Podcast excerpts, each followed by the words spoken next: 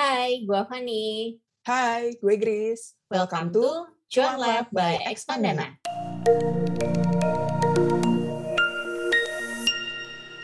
Halo teman-teman, kita ketemu lagi di episode terbarunya Cuan Lab nih. Ngobrolin tentang tahun 2021. Nggak berasa ternyata kita udah sampai di pertengahan tahun nih. Mm-mm. Di episode kali ini, kita bakal ngebahas tentang pentingnya review finansial tengah tahun. Nah, menurut lo, kenapa nih kita perlu bahas ini, Grace? Menurut gue karena kita tuh perlu ngambil momen untuk berhenti sebentar, Van.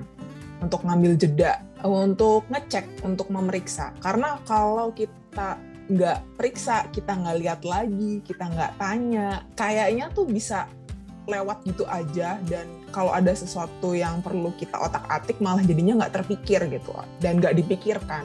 Jadi menurut gue penting banget nih buat kita untuk ngelakuin review finansial tengah tahun. Setuju banget. Apalagi kita kayak di situasi yang fluktuatif banget kayak sekarang ya, penting banget untuk malah lebih sering lagi nih untuk ngecek kondisi keuangan kita.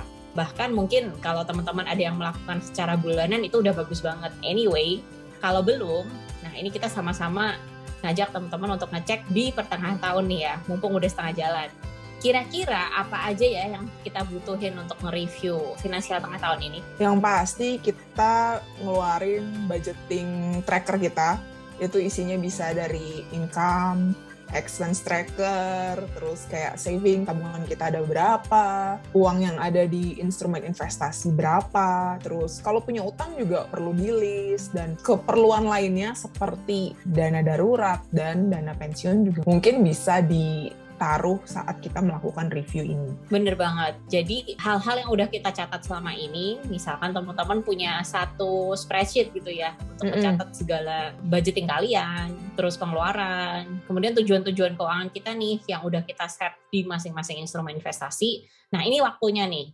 Udah di pertengahan tahun, yuk kita coba cek bareng-bareng. Kita mulai dari step yang pertama ya. Kita pasti ngecek tujuan keuangan kita dulu nih. Pas awal tahun tuh biasanya kita bikin resolusi tahun baru kan Mm-mm. di dalam resolusi itu tuh kalau gue ya kemarin ya gue juga mencantumkan dari sisi finansial mungkin ada banyak aspek di resolusi tahun barunya bisa kayak pengen lebih sehat atau pengen minum air putih lebih banyak Iya. atau pengen lebih apa ya lebih Rajin rajin olahraga olahraga. gitu nah tapi baiknya waktu itu juga ada nih eh, tujuan-tujuan finansial yang kita Oke, tahun 2021 gue pengen tujuan finansial gue apa ya? Pengen mencapai apa nih? Ini saatnya nih buat ngecek. Jadi coba kita lihat lagi ke catatan kita di awal tahun itu. Masih relevan nggak ya tujuan finansial yang kemarin itu dicatat? Nah, kedua, progresnya udah sampai mana?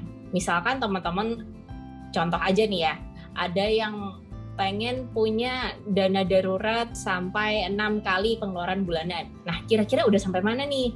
Apakah udah tercapai enam bulannya atau belum? Kalau kira-kira udah, wah, congrats nih ya.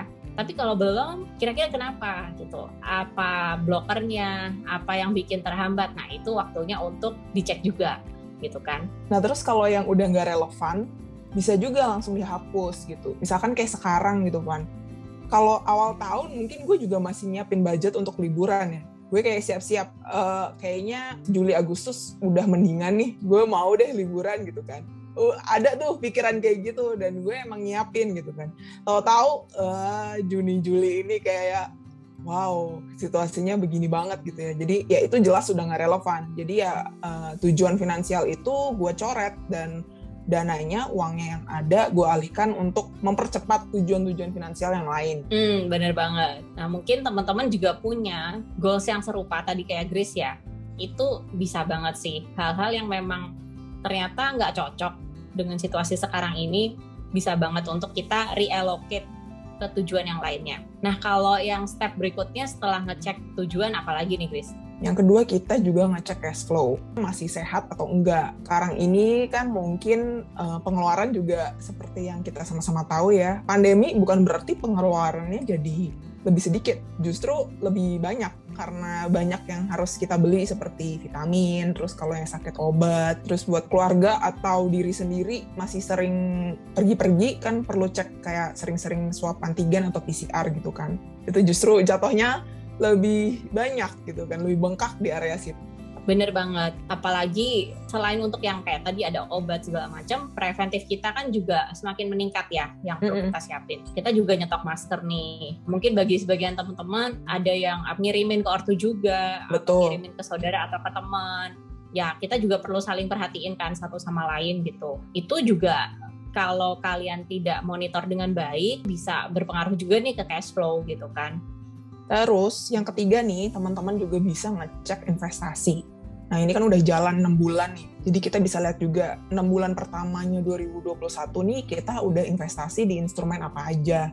Biasanya kan awal-awal pas bikin resolusi itu kan kita juga ah tahun ini gue pengen coba investasi di sini sekalian belajar ini atau pengen ngerutinin investasi di mana. Nah, ini saatnya kita juga ngeliat nih gimana hasilnya, apa aja kayak takeaways yang kita dapat dari enam bulan pertama ini, apakah ada yang perlu diubah dari nominalnya atau nambah instrumen, lebarin portofolio atau segala macamnya. Apalagi di masa fluktuatif kayak sekarang, portfolio itu perlu banget untuk dicek Mm-mm. dan di rebalancing bila perlu gitu kan. Terutama dengan portfolio teman-teman kalau mempunyai komponen yang sifatnya volatile. Kayak misalnya teman-teman ada masuk investasi di saham atau di uh, crypto aset. Hal-hal seperti itu penting banget untuk teman-teman juga selalu memantau nih. Jangan sampai porsinya terlalu besar, jadinya nilai portfolio teman-teman malah menurun secara keseluruhan. Aku refleksi diri sendiri nih ya di step yang ketiga ini gitu.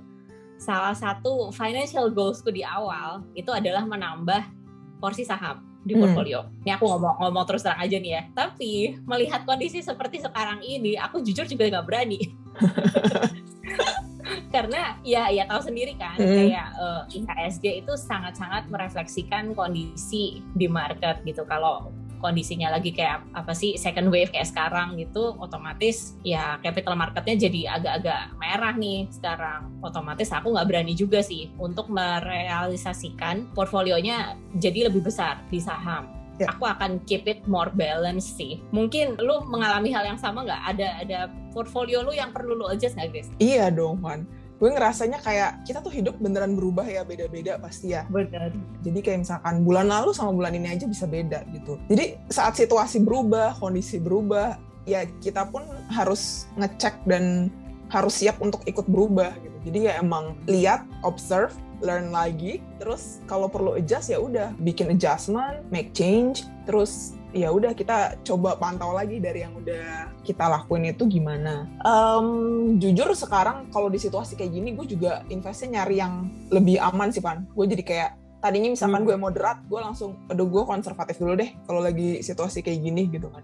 Daripada daripada Benar-benar. saat gue butuh uangnya, ya at least nggak pas lagi merah gitu kan, malah jadi rugi gitu. Jadi gue pakai mode konservatif dulu untuk situasi yang sekarang sih. Sebenarnya ini semua balik ke profil risiko teman-teman ya, Mm-mm, gitu betul. kan. Kalau memang profil risiko kalian tinggi dan udah gitu dari sisi cash flow aman banget sampai berlebih nih Iya, misalnya. Kalian mau average down atau serok bawah ya boleh sebenarnya nggak ada larangan kan Mm-mm, gitu kan apalagi kalau kalian punya keyakinan punya belief bahwa oke saham ini for the long run bagus kok nggak apa-apa gitu jadi kita cuman pengen um, mengingatkan karena kita semua beda-beda profil risikonya jangan lupa untuk checking-checking juga dan rebalancing juga nih kalau memang diperlukan Tuh. Nah, kemudian eh, setelah checking investasi tadi di yang ketiga, nah yang keempat adalah kalau ternyata teman-teman memerlukan supaya lebih lancar cash flow-nya, bisa juga melakukan step yang keempat ini, inventory check. Inventory check nih gimana nih Grace maksudnya nih? Ini kita ngelihat lagi benda-benda apa, barang-barang apa yang kita punya.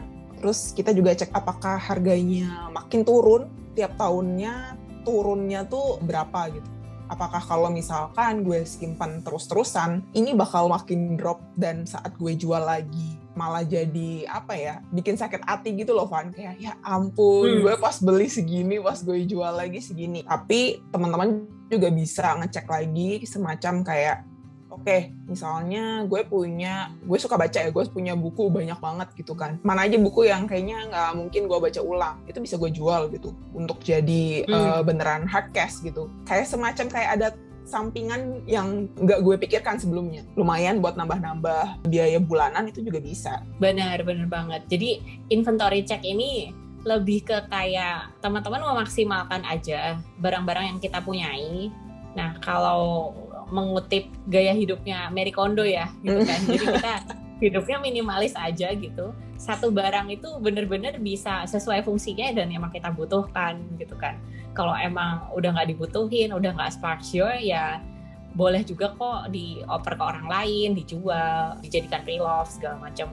Itu bisa menambah cash flow teman-teman sih. Oke, nah mungkin buat teman-teman yang punya tips untuk review finansial tengah tahun lainnya, boleh juga loh chat ke kita di Instagramnya @expandana dan juga kalau teman-teman mau melakukan step ini, aku recap lagi. Tadi yang pertama adalah financial goals check.